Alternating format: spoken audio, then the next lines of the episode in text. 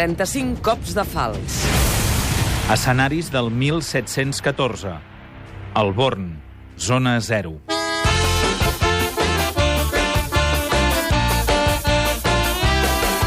Dos models, dues Espanyes, 118 entren en joc. Us portem encara banyes que voldríem llançar al foc. L'absolutisme reial i la política hostil fan que hi ha xatal sidral que ens durà una guerra vil. Els maulets alçant la llebre amb bassets i els bigatans, tocats també per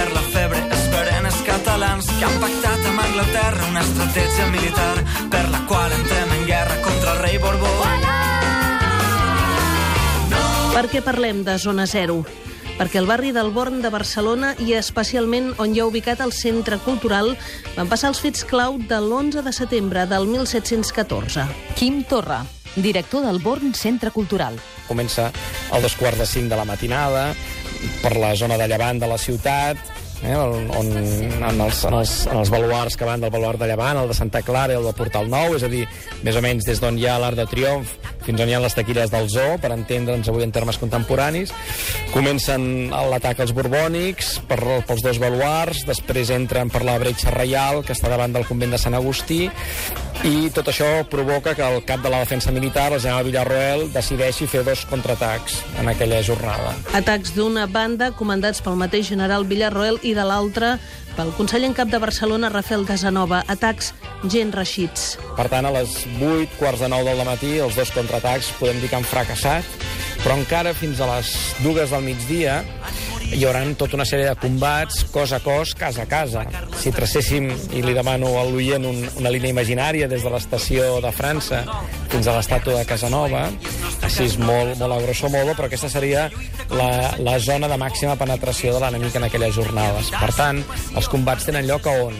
En, en, els, en els espais, diguem, com el del jaciment del Born, hi ha altres que queden incloses dintre d'aquest lloc. No?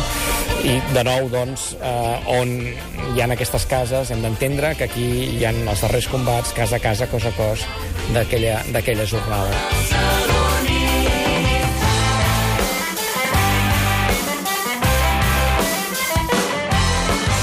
Un escenari que tres anys després, i per això també Zona Zero, Felip V va manar destruir per construir-hi una ciutadella. Març de 1717, que és quan amb els decrets d'expulsió eh, als habitants d'aquesta part de la ciutat de Barcelona, d'aquestes 55 cases, però de les prop de més de 1.000 cases que van haver de ser enderrocades per construir la ciutadella. Això vol dir un 17% de la, del total construït a la ciutat de Barcelona, unes 5.000 persones desplaçades de casa seva, aleshores com si haguéssim agafat qualsevol de les altres ciutats del, del país. Eh?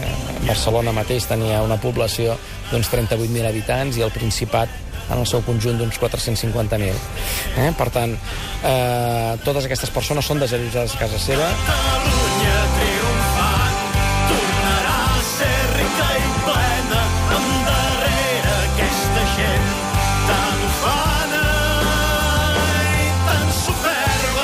Un enderrocament no només de cases, sinó també d'un símbol. El voler fer desaparèixer la Barcelona pròspera, la City, la part comercial de la ciutat, que obliga els que es queden a haver-se de reinventar. Una doble zona zero, doncs, que es pot rememorar en el Born Centre Cultural, on, juntament amb tot el que us hem explicat en aquest espai, s'arriba a una conclusió. adonar-te que estàs en un país que té una història, que té una cultura, que té una llengua, que té unes tradicions. El Born ens projecta nacionalment com un país amb una, amb una història molt potent i amb una cultura poderosíssima. Tremoli l'enemic en veient la nostra ensenya com fem caure espigues d'or quan bombers seguem cadenes 35 cops de fals. Laia Claret i Clara Jordan amb muntatge musical de Josep Plazas.